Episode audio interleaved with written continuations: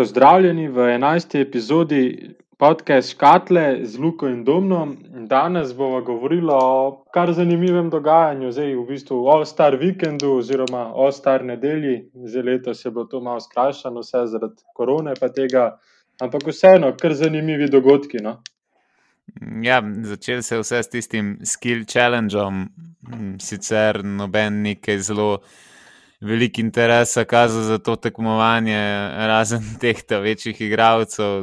Luka smo videli, tudi pa se je na Twitterju malo pošalil svojim igralcem, da se niti ogrevni, da je zato bil tako slab. Um, ja, oba dva, te dva, ki smo jih pričakovali v finalu, Kris Paul in Dončić, sta ostala uh, v polfinalu, tako da z edinim odigranim dvobojem sta, sta šla ven s porazom.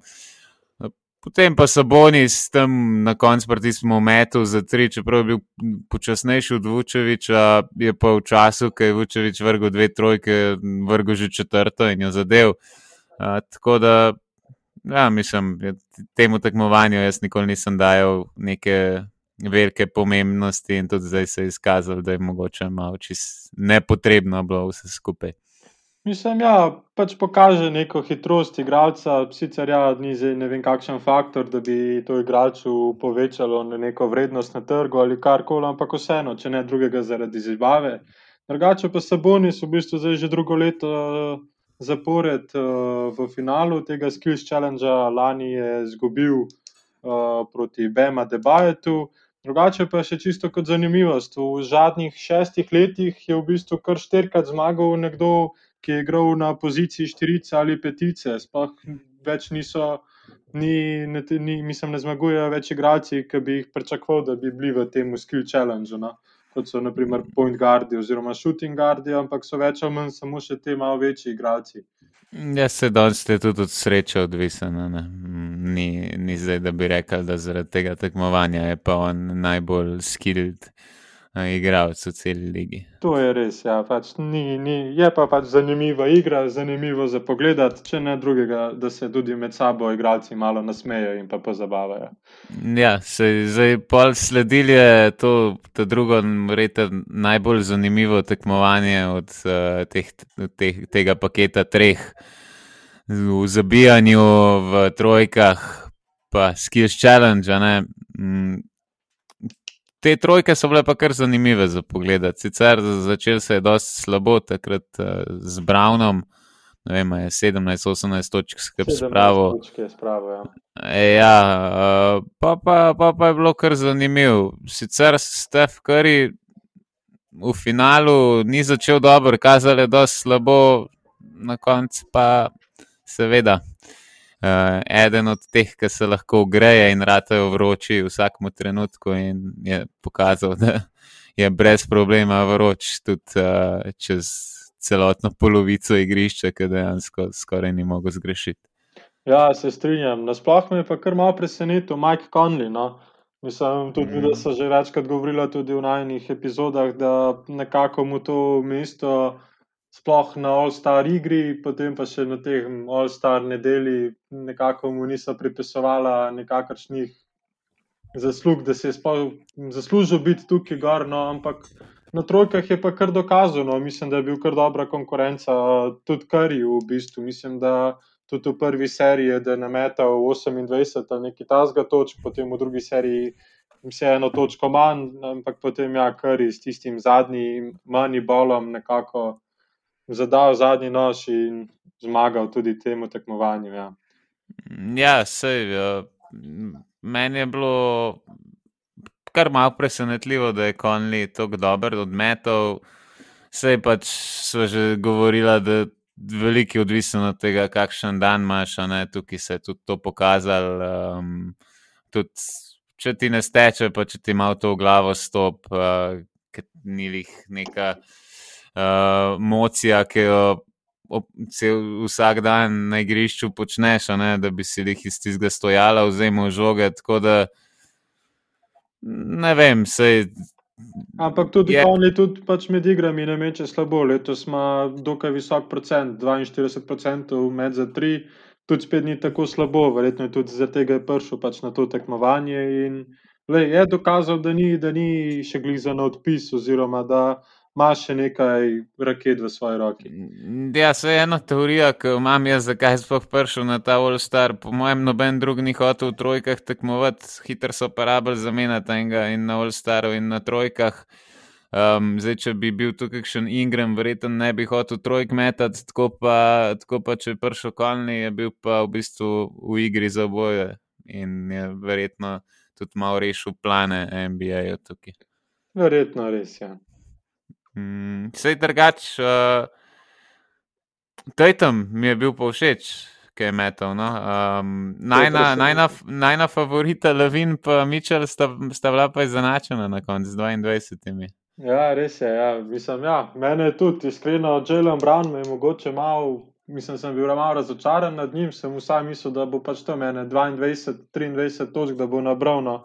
Ampak ja, to je pač spet, da so pač ti isto javno vzemajo, ni tako navaden tega. Ampak ja, Tatum pa kar je pa v bistvu prišel skoraj da v finale, potem nekako malo spustil, ampak lej, tukaj je veliko sreče, no, ampak ja. Ja, mene je bilo to mogoče od vsega tega, tega All-Star dneva še najbolj fajn za pogled, ker je dejansko verjeten edino tekmovanje, kjer sploh ni pomemben, da so gledalci ali niso. In tukaj se nekih je bilo, ne? ampak ni bilo to ta, ta prava atmosfera. In se mi zdi, da tukaj je bil tak tekmovalen čar. Edino, kar mi je manjkalo, predvsem zaradi teh mantul bolov, ki štejejo za tri točke. Je pa Damien Liller. Če bi pa on pa kari tekmovala, to bi pa rad videl. No? Um, to bi pa zelo zanimivo. Ker pa Ja, to v mislim, da tekmi. bi vsi radi videli. Ja. V tekmi se je videl, da tudi če bi tisti Mountain Dew bol simbol pomaknil kakšne dva metra nazaj, ne karil, ne Lillardu, ne bi bila težava to zadeti. Ja, bi bilo kar zanimivo mogoče videti kakšno posebej tekmovanje, kjer samo ona dva, pa da mečeta dva, tri metre za trojko, pa da vidimo, kdo je boljši. Ja. Ja. Ja, zihar, vse je mogoče, da bo, da bo šel ta free point contest vedno bolj v to, da se bolj daleč meče, zato ker se je met rado tako popularna, po- tako popularen aspekt igre, da je že preveč igralcev, ki, ki je kvalificiranih za tako tekmovanje in ni pa tako zanimivo, ne, zato ker se preveč zadeva. Ja. No, potem pa, če se lotiva še trega, tretjega dela zabijanja, ki pa je bil verjetno letos eden izmed slabših v bližnji zgodovini.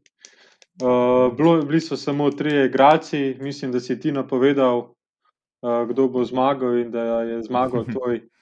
Tako da, ja, no. kako si bil pa kaj navdušen nad zabijanji? Uh, Iskreno, čist celega sploh nisem pogledal, uh, ker mi ni bilo zanimivo. No? Um, sploh s temi igravci. Ni, niso to dan kontesti, ki bi mene navdušili. No, jaz, jaz veliko raj bi videl kakšne zvezde, kakšnega Zajona, pa bilo kogar, no, ki je neko ime v ligi, kot pa te štiri, nekako nobody, mislim, vse, predvsem Simonson ima neko ime, um, ostale dva pa prej ne kot Jano.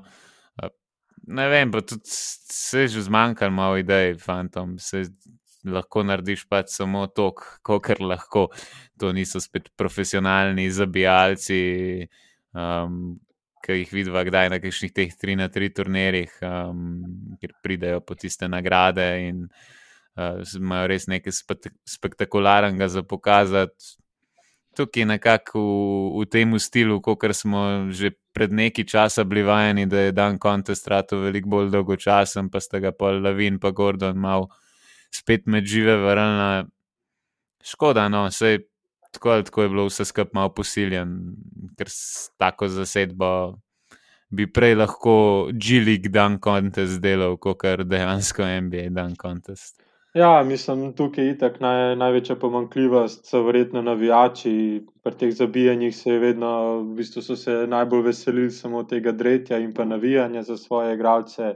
Pa tudi, ja, tako kot si že ti omenil, pač to so igralci, ki še niso tako znani, manjka jim mogoče tega malo flera, malo šov, šov biznisa oziroma šov, tega šovinizma, da bi malo. Mm, ja, vse, kot je bil Dwight Howard takrat, ki je res ja. šel na redu iz tega kontesta. Čeprav ni imel taka zabijanja, da bi rekel, da so tehnično težka, ampak je pač sam tak, tak živalski atlet bil da je, da je vse skupaj izgledalo izjemno, pa sploh še ta svoj čar, ki ga je dodal zraven. Tako, pa dvignil je množico, znal je zabavati.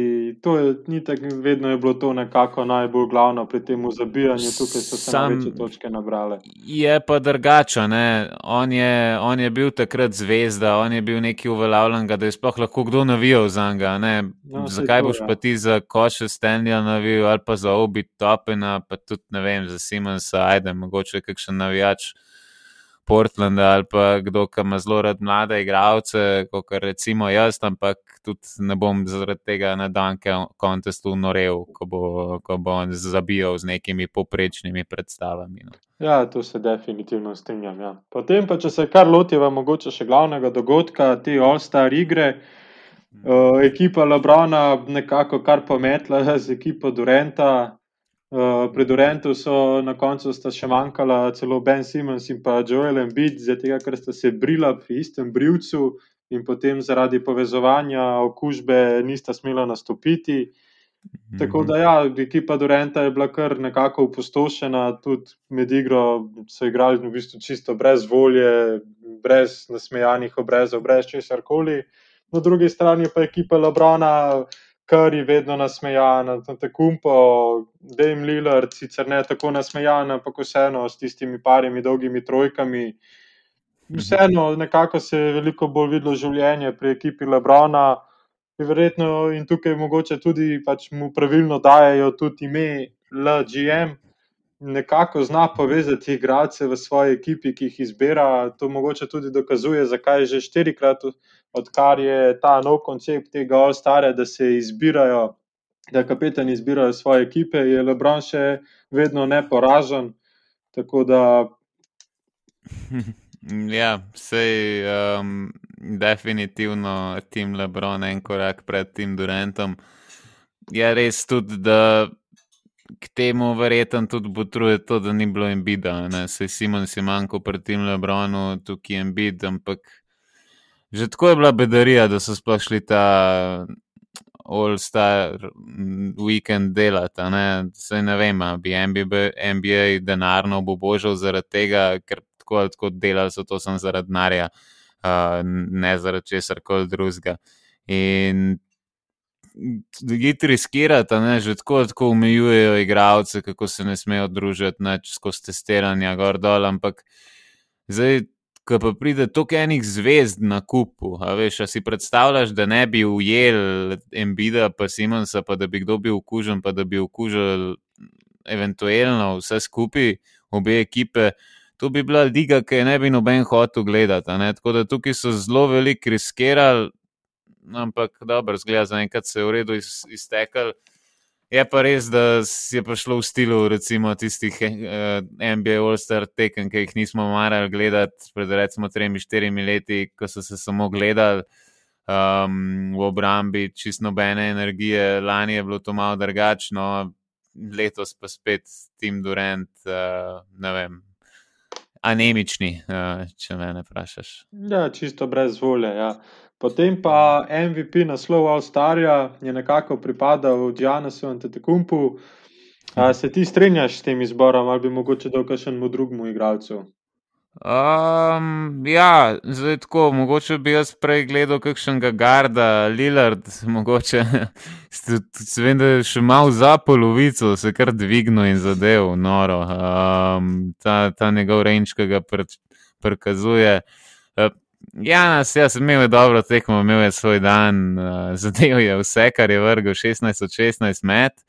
Um, tudi ta, ta zadnja trojka, ki je zadev sicer z veliko. Z veliko ubilo sreče. Um, Tudi prvi dve ste bili obe zadeti od tableja. Tako ja, tako da ok, pač svoj dan je imel, um, hvala Bogu, tudi enkrat ga mora imeti, dobo je še to eno nagrado, ki še nima, zdaj ne vem, kaj mu sploh še ostane, razen Final z MVP-ja. Uh, naslova. ja, ja, to definitivno, sem tako gre, to gre tako, tako z roko v roki s Final z MVP-jem.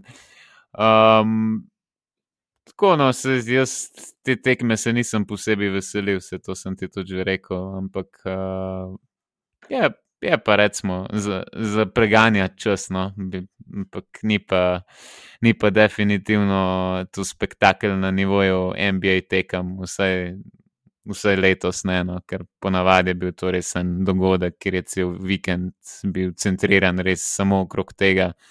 Uh, zdaj pa brez gledalcev, pa ni, ni to isto, ker v končni fazi All-Star tekme so zaradi gledalcev, pa zaradi nobenega drugega. Ja, to je res. Ja. Tudi Lebron je že javno izrazil na javnih omrežjih, da on bo prišel v bistvu sem, samo zaradi tega, ker so ga v bistvu navijači izglasovali. Videl se je tudi, pač, da mu ni do te igre, mislim, da je igral samo prvo četrtino, par minut, potem v drugi, za par minut je stopil gor, potem pa se je kar usedel in nekako prevzel vlogo trenerja in to je bilo to od njega. Uh, ja, igral je drugače, igral isto minut kot Rudy Gobert, torej uh, najmanj v svoji ekipi 13. Ja, no. No, tukaj vidimo to. Ja. Uh, drugače pa glede nagrade, pa mislim, da si je Džanis kar zasluženo. Sicer ja, lahko bi zbiral med Karijem, Lillardom ali pa Džanisom, ampak ja, ta njegov 100% met nekako je ven skočil in lej, si je zaslužil vsej za Lilar, da smo pa tako ali tako navajeni, da ga veliko krat kar malo pozabijo v kakšnih teh glasovih, sploh za kakšnega MVP ali pa za kakšne take stvari. Tako da tukaj mm. pač nima ja, sreče. Ono. Ja, res je, zapostavljen, ampak se, če gledaš, oba dva sta odigrala fantastično. Tako da oba dva bi si zaslužila, pa tudi kar bi se lahko samo mešal, kot sem rekel ampak nič ni narobe s tem. No. Uh, super, super, da, da dobiva tudi en iz ne tako velikega kluba, ne, iz Milwaukeeja, uh, take nagrade, ta, um, take prikime strani javnosti in vseh ostalih. Ja, se strinjam. No, zdaj pa, če se kar lotva, še v bistvu kar Džanisove ekipe. No. Letos mhm. so nekako tretji, sicer z trenutno 22 in 14, imajo v zadnjih desetih tekmah še zmagali, štiri izgubili. Vem, njihova obramba lani, nekako, kot je blestela, letos od te obrambe, sploh v bistvu noč ni več vidno. Lani mislim, da so bili ena izmed najboljših ekip, ki je branila trojko, letos so pa skoraj da eni izmed slabših. In pustijo na tekmo veliko dobljenih trojk, kar nekako jim zmanjka tiste rotacije ali pa hitrosti, da bi pritekli do svojega igralca. Džianis mm, pač nekako podobna sezona kot lani, Middleton, prav tako tudi nekih velikih zamenjav, se mi zdi, da niso naredili, razen kakšnih manjših. Tako da res ne vem, kje se jim je tukaj zalomilo. No? Mm, ja, zdaj so drugač, eh, mogoče bolj pri rotaciji malo menava. No, prvo kot prvo, znebili so se mm, Blecova, ki je bil uh, nekako uh, težko breme, predvsem za klubsko blagajno. Takrat so ga plačali, ko so ga podaljšali, um, ampak se ni izkazal kot najboljša poteza. Tako da so ekspresno iskali neko zamenjavo, ki bo vsaj v playoffu kaj ponudila, ker predvsem je bil znan po tem oblecov, da v playoffu ne pokaže ničesar, oziroma predvsem slabe igre. Um, potem so zbrali uh, ta kapital, uh, če temu rečemo, trade kapital, za to, da so Drew Holiday pripeljali. On se mi zdi, da je menjava za Blecova. No? Ja, tako perfect fit v bistvu, če gledamo, kar oni rabijo. Rabijo obrambo, rabijo nekoga v napadu, ki si lahko tudi čutil stvar, pa bo znal predvsem zadet, ki bo dubo žogo. Um, in točno to so dobili. Verjetno tudi, če, če gledaš malo izjave, pa kakšne podcaste z igravci v ligi, vsi omenjajo Drew Holidayja kot enega najboljših obrambnih igralcev, predvsem na perimeterju. No? Um, in zdaj letos sicer malo je imel težave, nekaj časa ni igral, pa spet je igral, pa tako naprej, malo verjetno ni šel ta pravemu ritmu. Je pa, je pa definitivno ekipa veliko bolj zasnovana. Um, zdaj, zamenjali so pa tudi George Hilla, ki jim je lani jim je dal on ogromno, no, predvsem z metom za tri, se mi zdi, da je bil med najboljšimi šuterji. Uh, tako, predvsem ena konstanta, ki so jo rabili, uh, medtem ko so vsi ostali leteli po igrišču. Uh, tukaj to jim bo manjkalo, no? uh, so, so pa recimo, da nekako ga nadomestili z razvojem Donteja Divičenza.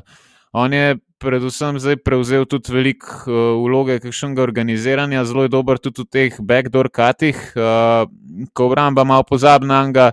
Uh, So igravci ga pa vidijo, ko vteka in prihaja do, do lahkih, hitrih točk, predvsem, in potem lahko doskrat tudi obrnejo, kakšen zaostanek se bo prid na, na centru staja Brook Lopez, priključili so tukaj še Bobija Portisa, zelo podcenjen igralec. No? Uh, lahko jim nudi kar velik, uh, tudi trenutno je zelo dober, za tri meče 50-odstotno, iz igre tam skoraj 55-odstotno, tako da statistično kar zelo dobra igra.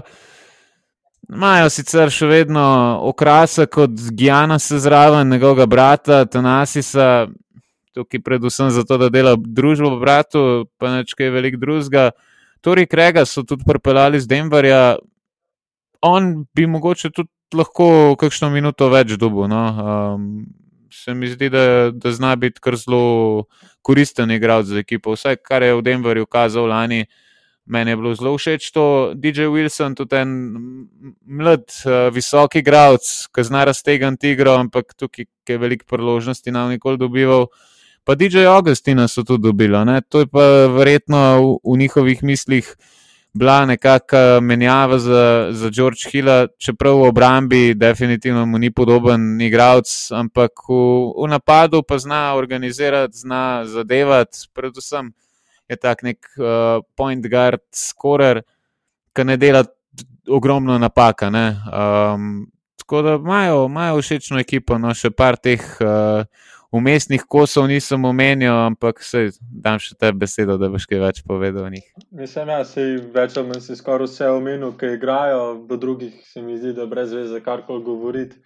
Ampak, Middletona ja, nisem. No, uh, no, edin Middleton, ampak Middleton, pa ne vem, jaz sem kar nekako razočaran nad tem Middletonom. No, on je imel dve, dve sezoni zdaj, ko so ga kar nekako napihovali, da bo ratov ne vem kaj, spoh po tisti lanski sezoni, ko je skoraj prišel v klub 50, 40, 90 letos spet nekako no, na dobri poti v ta klub, ampak vseeno, kar nekako več pričakujem od njega. Na no, teh njegovih vse sicer dosega 20 točk na tekmo, pa 6 asistenc, pa 6 skokov.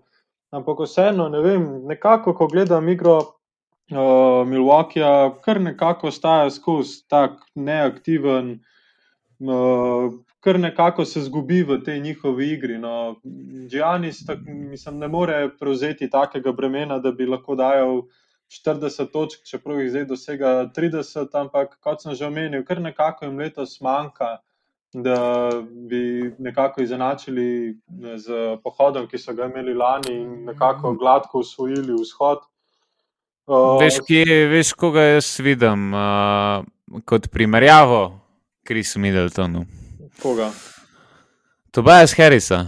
Mm, se mi zdi, da je čist eh, podoben, tako glede tega, koliko je tih pri te, tem, da doseže 20 točk, pa odigra na zelo, zelo dobrih procentih. Vse skupaj pa tudi v obrambi, recimo, ok, Middleton še celo malo več ponud.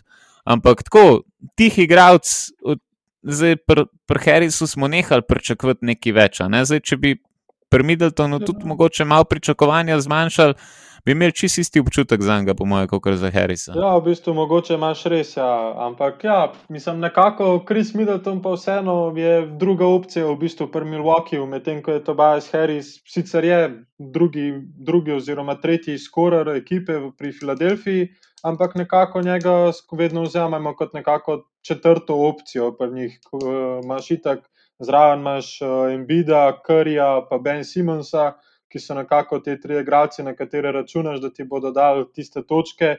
Potem pa ja, Tobias Harris pa nekako pod radarjem, prav tako nekako Chris Middleton. Tako da Milwaukee je definitivno, verjetno jim še manjka še ena, oziroma še en igralec, mogoče z malo, z malo več. Uh, Igre z malo več, ne vem, kako bi to imel. Pač neko zvezdo, ki bi lahko poleg Džanisa uh, nekako lahko dosegel 25 točk, oziroma tudi 30, se ne da jih Kris Middleton ne more, ampak nekako, nekako pač jih ne da, ker se mu, ne vem, meni zgleda, kot da se mu malo ne da igrati, oziroma da misli, da bodo gladko usvojili vzhod samo zato, ker bo Džani zdaj 40 točk in to je to. Ampak počasi je ekipe tudi nekako.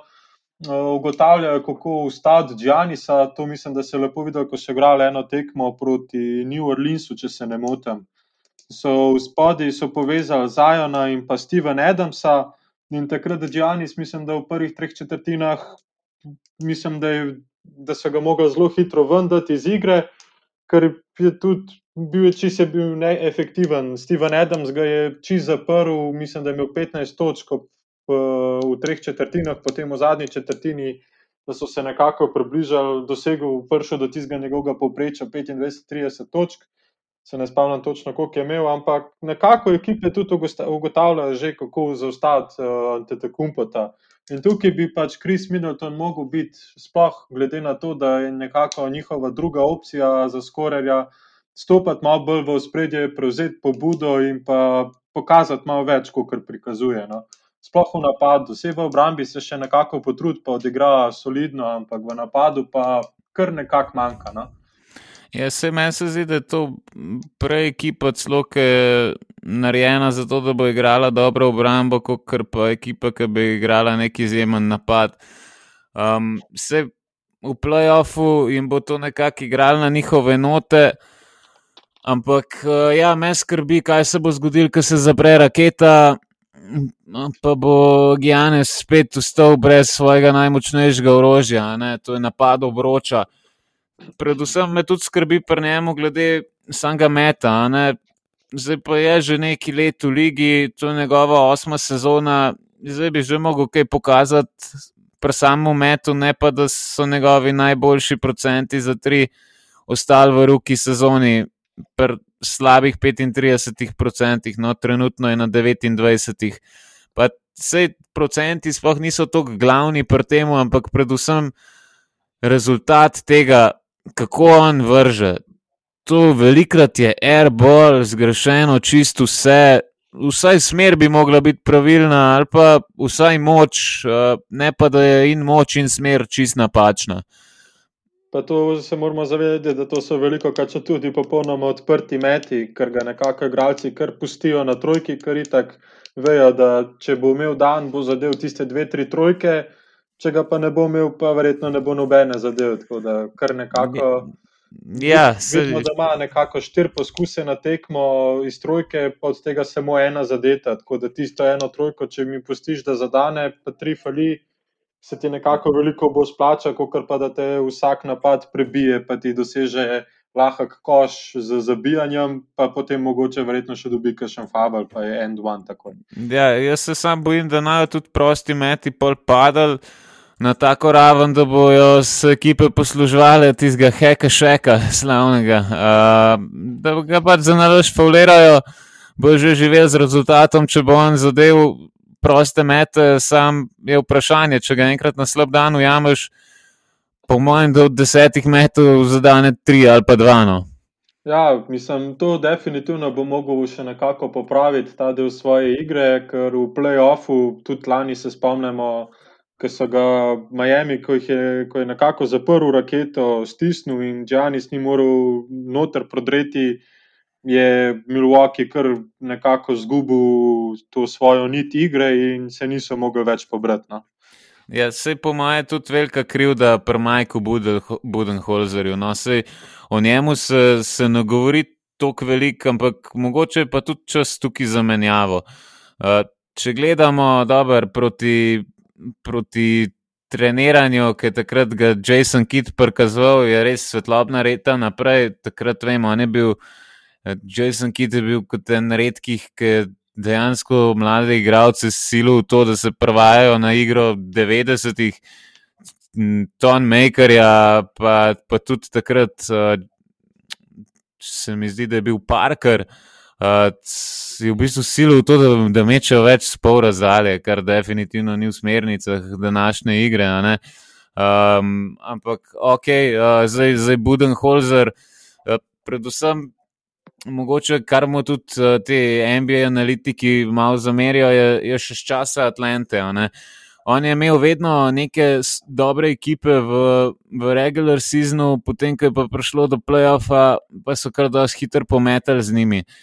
In spet to se dogaja z ekipo, ki je, če gledamo po, po sami moči, dosti boljša od tiste Atlantine, tak, takračne, zdaj pa ne vem, rezultati so pa isti, uh, mogoče v kakšnih primerih celo slabši.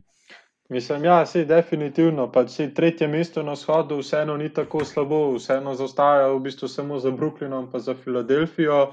Sam imaš ti v igri, ti imaš v igri MVP lige, ti imaš enega najdominantnejših igralcev, pač to, to tebi ne more biti uspeh, da si tretji. Ja, to je tudi res. Pa sploh proti ekipam, če bodo ostali v bistvu na, če bi se playoff trenutno začel, bi igrali ponovno proti Miami hitom, ki bi jih pa spet, po mojem, po mojih, mislim, po mojem mišljenju, bi spet znali dobiti, glih samo zato, ker že nekako vejo, kako jih ustaviti od lani. Pa Miami se tudi nekako bolj poslužuje tem metu za tri, kar pa v bistvu Milwaukee je eden izmed najslabših, ki branijo za te mete, oziroma dovoljujejo največ metov za tri od nasprotnika. Tako da.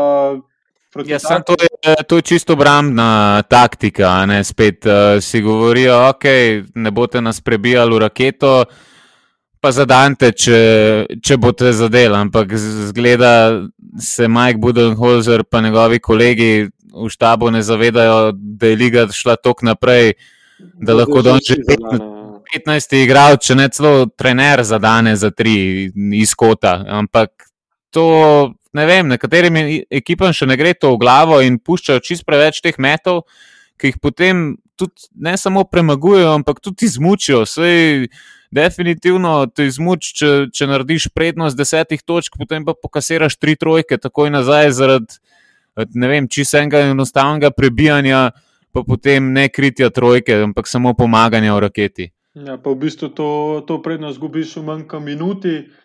Tako da, ja, zihar ti morala pade, ne da se ti več igrati v obrambi in pač čakaš v bistvu, da bodo oni delali napake, ne pa, ne pa ti. Tako da, ja, mislim, da Milwaukee ima še veliko za narediti, uh, sicer v redni sezoni jim zaenkrat čaka, jih, uh, jih gre dobro. V mhm. playoffu pa bomo videli, kaj bodo pokazali, če ne bodo celo izpadali, po, mislim, po mojih napovedih, če bodo ostali s tako igro, ki jo zdaj prikazujejo znajo tudi izpadati tudi v prvi rundi. No. Ja, od poletnega prestopnega roka, drugač ne smemo pozabiti, če omeniti tiste blamaže.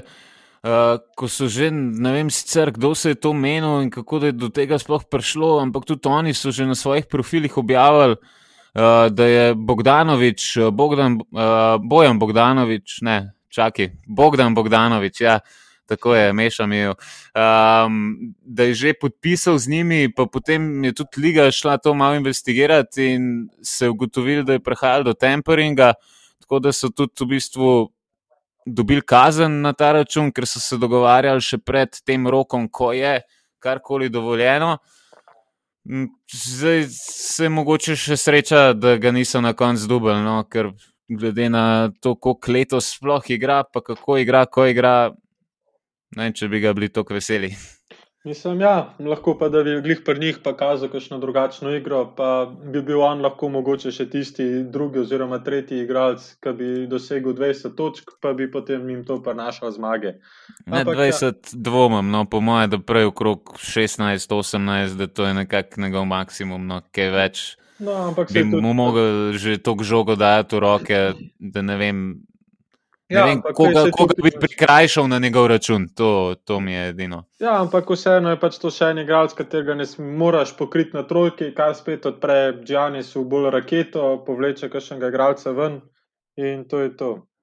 Tako da, ja, bi bila kar lepa pridobitev za njih, ampak ja, kot si že omenil, zaradi tistega temperinga je potem vse splavalo nekako po vodi.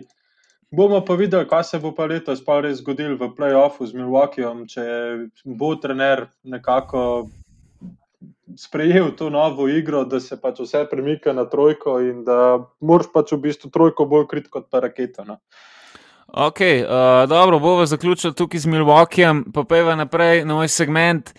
Povej ali naprej, Luka, a štartava. Štartej. Ok, zmenjeno. Um, prva novica oziroma zgodba uh, prihaja iz Clevelanda. Larry Nash Jr., že v prejšnji epizodi, naj gost uh, v tej rubriki. Menda je imel Cleveland že več ponudb z večjimi piki uh, iz pozne prve runde, ampak so vse zavrnili. Aha. Ja, v bistvu mislim, teh rumorjev nisem nekaj, nekaj malce mi slišal, da so ga v neke mock drafte dajali.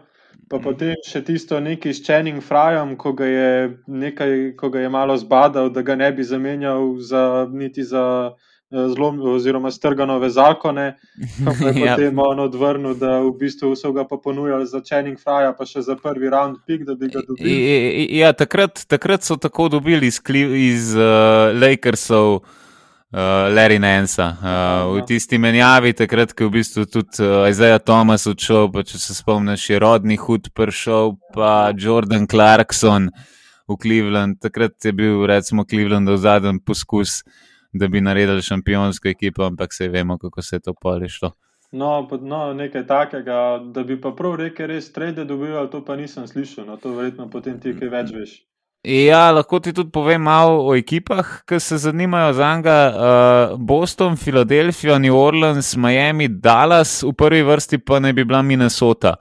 Zdaj, za Minnesoto razumem, iščejo nekoga, ki bi jih okrepil na štirici, kjer imajo največjo luknjo zaenkrat.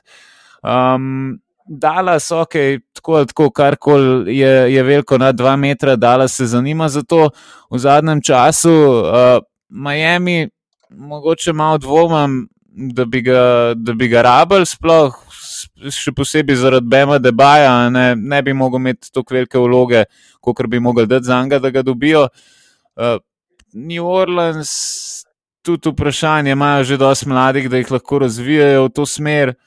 Filadelfija, mogoče, mogoče da bi jim prav prišla ta velikost, Boston pa definitivno. No, Boston tako, tako rab, podobno kot dala, skarkoli uh, leze in gre na dva metra. Ja, to se definitivno se strinjam. Pa tudi mislim, da Larry Nance letos kar dobro igra. No? Sicer zdaj je že pustil, spustil par tekem. Začetek je bil fenomenalen, predvsem v fantasy ligah. Vem, da je do- dosegal neke neverjetne skupičke. Takrat mi je bilo žal, da ga nisem izbral na draftu. časa. Ja, mislim, na začetku je kar dobro, zdaj pa nekako ja, je padel v to, mislim, v svojo rutino, spet pri desetih točkah, sicer visok procent meta, tudi za tri, kar visoko, 38 procentov, sedem skokov, tri asistence. Ampak ja, itak, Larry Nance se mi zdi, da malo več pokaže tudi v obrambi, je tudi izjemen atlet.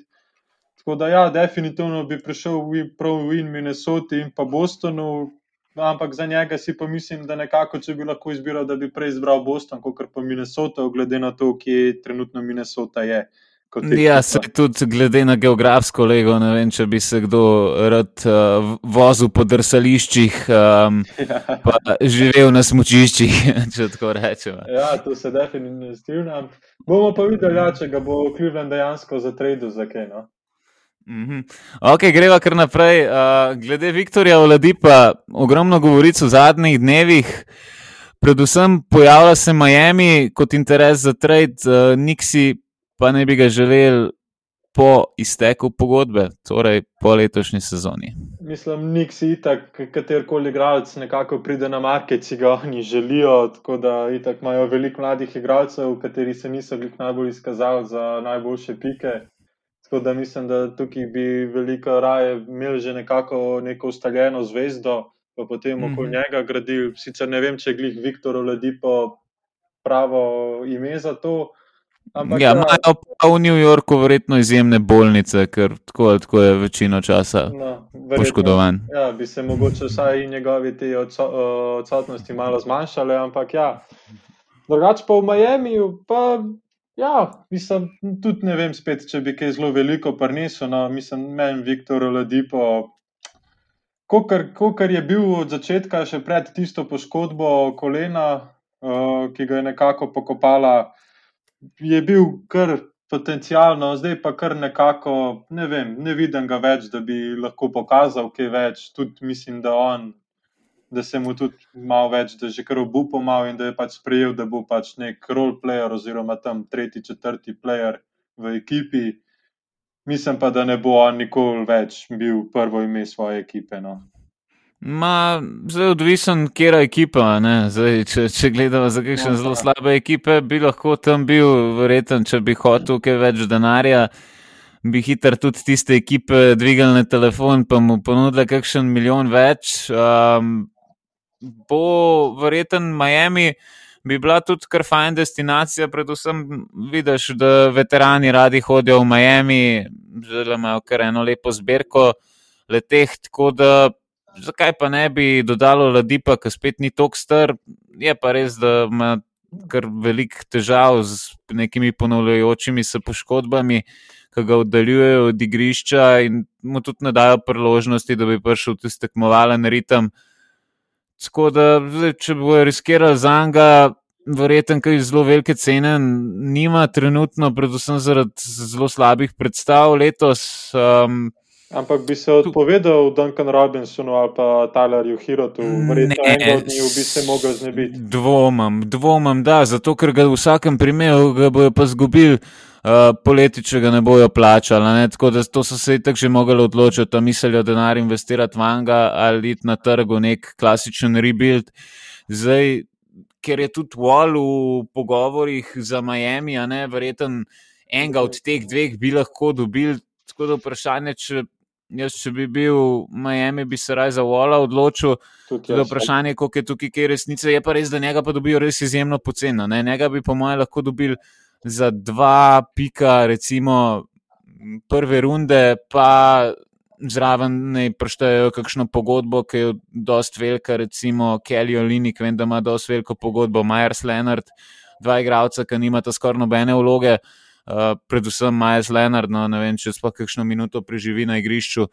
Tako da, po mojem, da ne bi bilo nič narobe, če, če bi Miami šel, šel v to, ampak zdaj ne vem. A, a oni verjamejo, da bojo zelo dipom paratali prvaki, ker jaz ne. Tako da v tem primeru pa ne vem, če se jih to splača, ker polet pa lahko odide, sej zihar bo nekdo ponudil kaj več denarja, bomo pa videli, kako je naravnana. Je naravnana na denar ali na neko uh, ekipno vzdušje, na, na nek uh, ekipni dosežek, ki ga bo pa verjeten kar dosti hitro v Miami doživel, veliko prej, kot v kakšnem New Yorku. Ja, to se definitivno strinjam, ampak potem, če bi to treba, ja, ne vem, jaz sem vseeno nekako mišljen, da potem bi mogel Kaj še Duncan Robinson, Tyler Hero ali pa Goran Dragič bi mogel oditi, ker drugače bi bila tukaj potem kar malo prenasičena. Ali pa Kendrick. Sej, a tebi se zdi Duncan Robinson tako bistven del ekipe, da brez njega ne bi mogel preživeti? Mislim, ne, sam, ker vem, da ga ima Miami rad, ne vem, če bi se mu odrekel, no, glih za Mislim, ja. Tukaj ja, so potem te pač, globje zgodbe, tukaj, katerih mi dva ne poznava. No. Ja, odvisen je spet od tega, Miami hoče delati neko kulturo bazirano na zvestobi, ampak se tudi, um, tudi, če bi spustili Duncan Robinsona, ki se meni zdi, da ga lahko oladi po več kot dostojno zamenja, no, oziroma ponudi neko boljšo varianto, kot je on nud. Uh, ja, zdaj, tako, tako pa igravcem tudi veliko pomeni, da je ekipa zvesta, sploh tem veteranom. Ker tako, tako, če hočeš imeti neko uspešno ekipo, rabiš imeti neko zmes veteranov, pa mladosti, pa potencijala, pa tako naprej. Ja.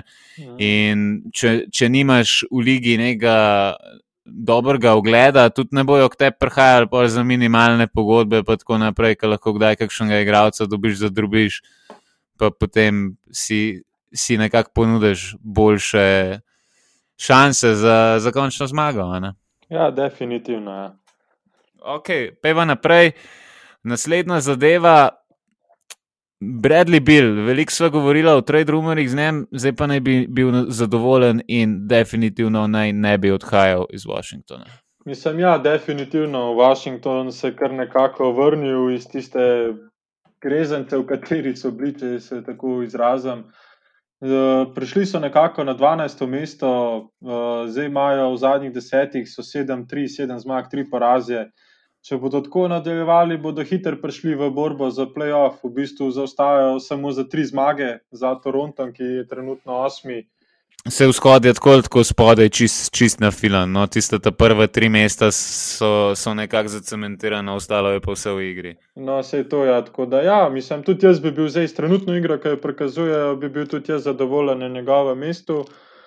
Ampak, če si pa želi kaj več, kot pa samo pridati v playoff, pa ne vem, mislim, bi pa vseeno mogoče raje videl, da prestopi v kakšno ekipo, ki je že malo boljši kontender, oziroma bi bila z njim še veliko večji kontender, kot sem. Pa se ti on zdi, kot igralec, zrel za, za naslov?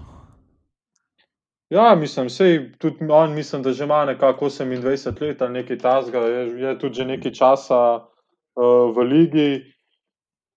Ampak misliš, naslov... da, ima, da ima znanje, ki lahko prekaša igralce, ki so zdaj v položaju za naslov? Mislim, ni, ni, iskreno se ga še nismo videli, kako igra v playoffu, če se ne motim. Mislim, da z Washingtonom še niso sploh prišli v končnico.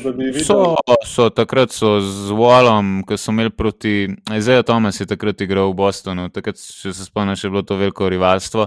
Um, ampak uh, tudi takrat jih je Boston ven vrgel, tako da tisto, tisto je bilo res. Ja, tisto je bil njihov highlight uh, desetletja. To je bilo tudi nekaj let nazaj, kaj ne 3-4 leta zihar, takrat je imel 23 let Bradley Bill, zdaj po 4 letih pa vseeno. Verjetno je malo bolj zrel, tako da verjetno bi pokazal lahko malo več. Uh, če pa ne vem, pa, če bi bil pa zmožen držati ekipo. No? Mislim, se ne mm. na parketu, na parketu bi že nametal tistih 30 točk, ampak ne vem pa, če je pa psihično, da bi jih uh, motiviral pa tako v težkih trenutkih, če bi jih pa to znal. To pa res, to imaš pa prav, mogoče bi pa tukaj malo zmanjkalo. Ja, se meni se zdi, da to je težava, predvsem pri vseh teh igralcih, ki so tako navajeni vleči eno svojo slabo ekipo naprej. Ne? Um, tudi videl pri Westbrooku, pač se lahko jih povlečeš do playoffa, ampak kaj pa ti nudiš, oziroma kje imaš ti, kje imaš ti prostor, da zraven dodaš še, zla, še, dvo, še dva, recimo, zelo kvalitetna igralca, ki bo ta pa naredila to razliko, da boš ti najboljši v ligi to, to predvsem jaz mogoče prnemu navidim tudi zaradi tega. Ne vem, če bi zatredil pol ekipe za njega, ampak je pa, je pa zihar zelo dober igralec, paša za oči. Uh, tako da meni ni nič narobe, če ostaja tukaj v Washingtonu. Predvsem upam, da naredijo kakšen lep ran, da bo to neka uh, taka pepelka, ki jo bomo spremljali v playoffu.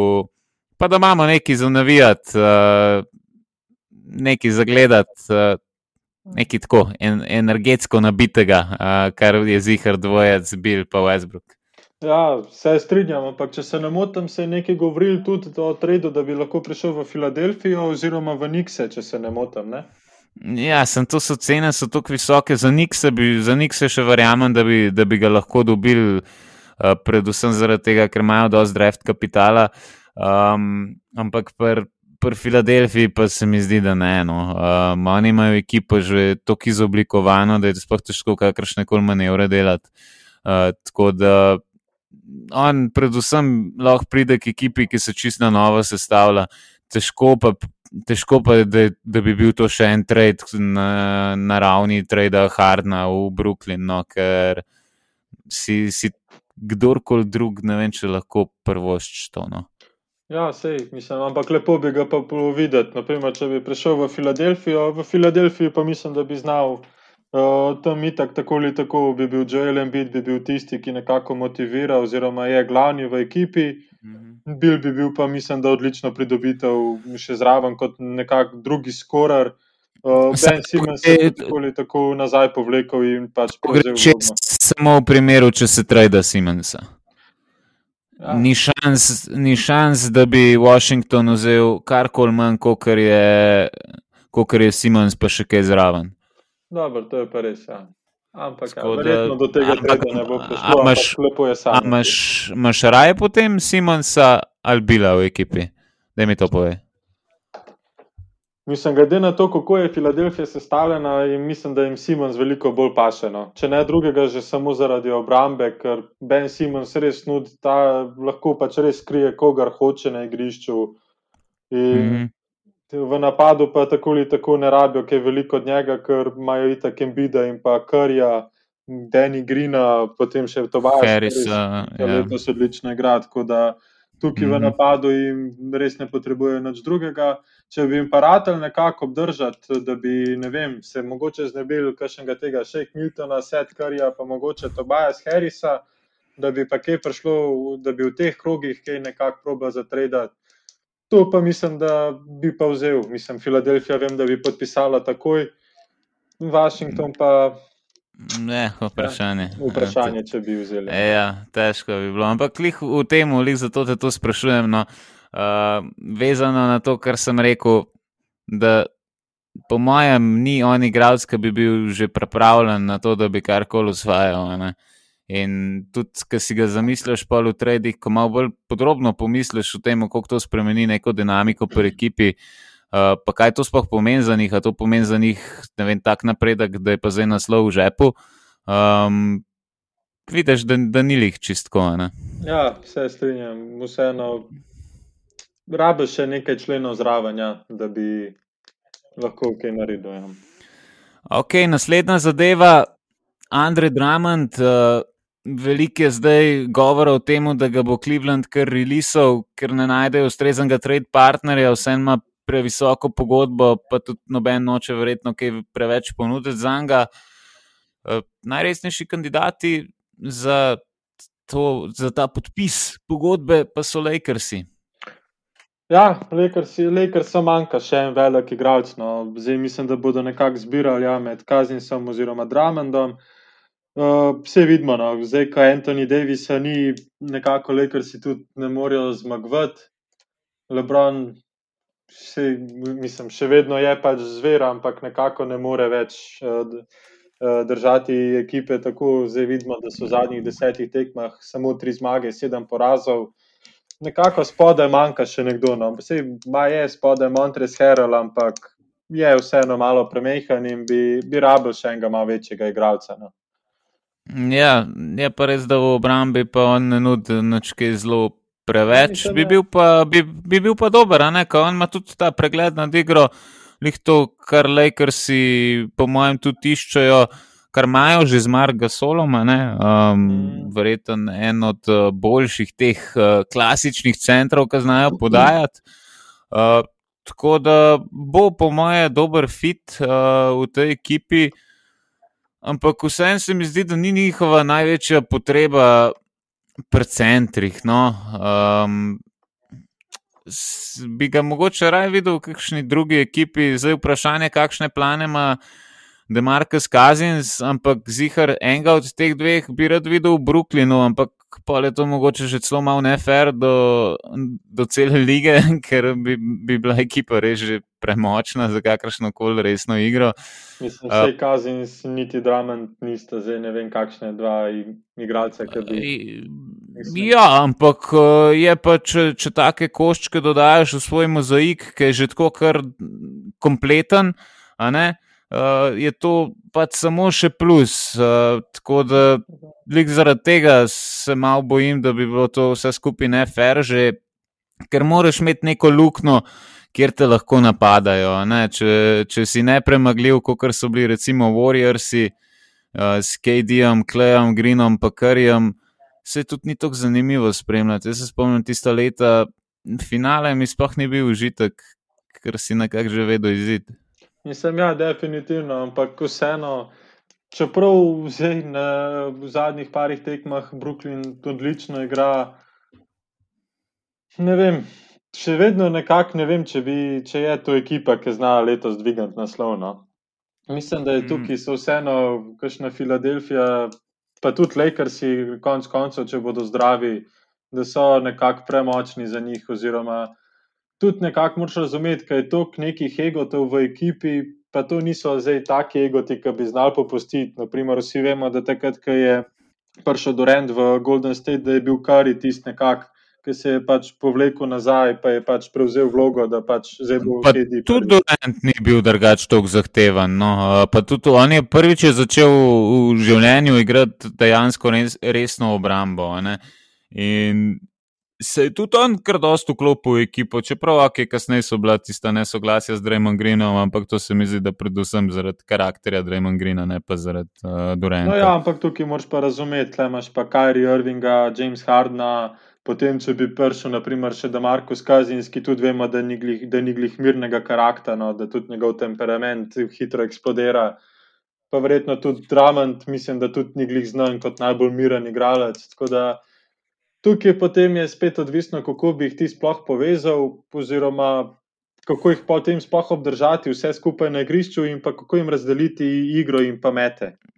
Ja, se težko je tudi pri teh igravcih, ker to so vsi igravci, ki ponavadi iščejo pogodbo. Um, hočejo se pokazati, dobiti mogoče prsten zraven kot bonus in potem podpisati neko lepo pogodbo, uh, ker nista še, nista še za odpisane, nista v tistih letih, ki bi životarila, pa iskala ekipe, kjer bo ta dobila vsaj kakšno vlogo, kot je recimo uh, Howard v, zadnjih letih. Um, tako da ne vem, uh, bomo videli, kaj se bo s tem zgodilo. Pa pri Brooklynu me tudi mogoče malo preveč moti, naprimer, če bi dobili Demarko Skazensa to je spet en igralec, ki več ali manj igra samo ena na ena. Vse to v rednem delu nekako, vse pride, prideš potem do svojih. Sam malo on pregledno igro, drugač zelo lep. Ja. Jaz se spomnim, je imel kar lep, veliko lepih akcij, ampak njega. Vse tako, kot vse igralce, moraš jih angažirati, da jim na začetku une dve žoge v postu, pa se bo, pa se bo potem celo tekmo trudil. Zdaj, ja, ampak če so dve žogi v začetku, katere pa vzameš iz Durantovih, uh, Irvingovih ali pa od Hardna.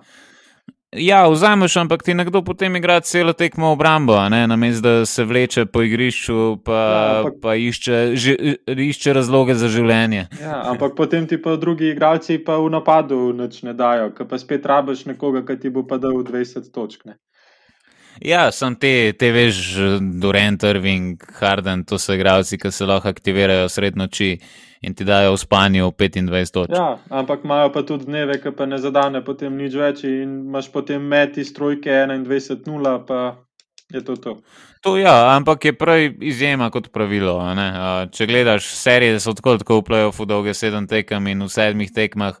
Težko povežeš tri take slabe tekme. Recimo. Ja, to je res. Ja. Ampak ja. Okay. Dej, ne bova se klele več okrog vrtela. Še zadnja zadeva, ki sem jo pripravil, en mock trade uh, in sicer gre se za podpis Jeremy Granta v Celticsu, oziroma trade. Um, v Celticsu bi bili namenjeni, v bistvu bi bila namenjena Jeremy Grant pa Delon Wright uh, iz Detroita, v nasprotno smer pa Robert Williams, ta uh, center, o katerem smo že kar dosti govorili. Peyton Pritchard, uh, pa Grant Williams in še dva pika, uh, in sicer v letu 2022 in 2024, uh, prve runde od Bostona. Ne bi dal. Če bi hm. bil na Bostonovem mestu, ne bi sprejel tega trada. Zakaj pa ne? Uh, in Peyton Pritchard in Williams, o katerem se, kot si že omenil, veliko govorila, mislim, da ponudijo veliko več kot pa Jeremy, Jeremy Grant pa Wright. Sam po mojem, Wright nekako na nivoju Pritcharda, no, da ni, ni Pritchard pred njem, da bi rekel. No, po mojem, tudi Wright ima, ima vse. Malo več izkušenj, zdaj tudi to je pomembno, no, tudi znak, kakšen favali silt, ki ga mogoče pričar, če ne zna. Ne? Um, pa zna obrambo odigrati tako, da sodnik ne vidi, ko recimo pričar ne zna. Ne? Um, pa sploh Grant, Grant je tako, tako nadgradnja, točno to, kar iščejo, trojka, šterka, ki zna zadeti, pa sploh v obrambi velik nud. In kaj je Robert Williams? Vse je Robert Williams super potencial, on bo čez 3-4 leta en boljših rim protektorjev v ligi, ampak zaenkrat on še ne zna igrati uh, v napadu. Ampak se v, v obrambi tudi ne. V napadu ne zna, kako da ne, se v obrambi pa. Ah. Se ima povprečje skoraj da eno, pa pol banane. Mislim, ja, ma, ampak lahko tudi pogledaš, kako izpada iz igre. Veš, to, on prevečkrat gre na to blokado, namesto da bi samo recimo, držal gor roke. Pa potem neki, pa iz tega je ponavadi več slabega kot koristi. Predvsem, če, če bi gledal številke, koliko je to v končni fazi učinkovito. Vse nauči, zgleda lepo, fant se trud, super, ampak.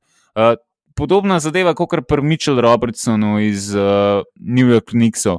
Uh, mogoče še ne razume, kdaj iti za tisto žogo, kdaj jo pustiti. Um, Kdaj, kdaj biti kje na igrišču, to so recimo stvari, ki bo verjeten pogruntu čez kakšno leto, dve, tri. In Boston rab zmagovati zdaj. Sej, uh, problem pri njih ni to, da oni ne bi imeli potencijala, da bojo čez pet let pa super ekipa, uh, ampak je predvsem problem v tem, da imajo igralce, ki so pripravljeni na to že danes, da bojo super ekipa in tudi ne bojo zadovoljni, če bojo čakali vse ostale, da jih dohitijo še ne vem, par let. Ja, mislim, tu se definitivno strinjam, ampak vseeno, ne vem, iz tega treda bi, po mojem, izuzel Williamsona, pa mogoče koga drugega notrdel. No? Ja, se, definitivno se bi lahko tukaj še igral malo uh, z igravci, z paketom, mogoče kakšen pik več vključil, ker pikov v končni fazi ne bojo rabili, par leta. Ja. Um, bojo lahko te rotacijske igralce tudi na free agent marketu poiskali, pa kakšnega veterana več, ker ni mogoče Jeff Tig uh, pobran smetišča. Uh, tako da ja, jaz bi ta trend sprejel, no, ampak uh, mogoče bi ga malo modificiral. Je pa res, da tukaj moš dati neki Detroit. Ne? Detroit ja, išče mlade igralce, išče nekoga za razvijati in trenutno tega nimajo, uh, vsaj ne, ne v izobilju. Ja, tukaj ja, ne vem. Kot se že omenjalo, ja, Boston, Bostonu manjka ja, ta nek visoki igralec, ki bi ga lahko dobili v Jeremy Grantu, ampak Ne vem pa, če bi se odrekel obema Williamsona. No? Ja, lej, uh, bomo videli, uh, trade deadline se bliža in definitivno, kmalo bomo začeli kaj večjega dogajanja spremljati tudi na tem. Jaz se veselim tega, ko mi čakam, da o tem tudi poročava. Tako da jaz bi se na tej točki pol zahvalil vsem poslušalcem, da ste bili z nama. Hvala lepa in nasvidenje do sobote.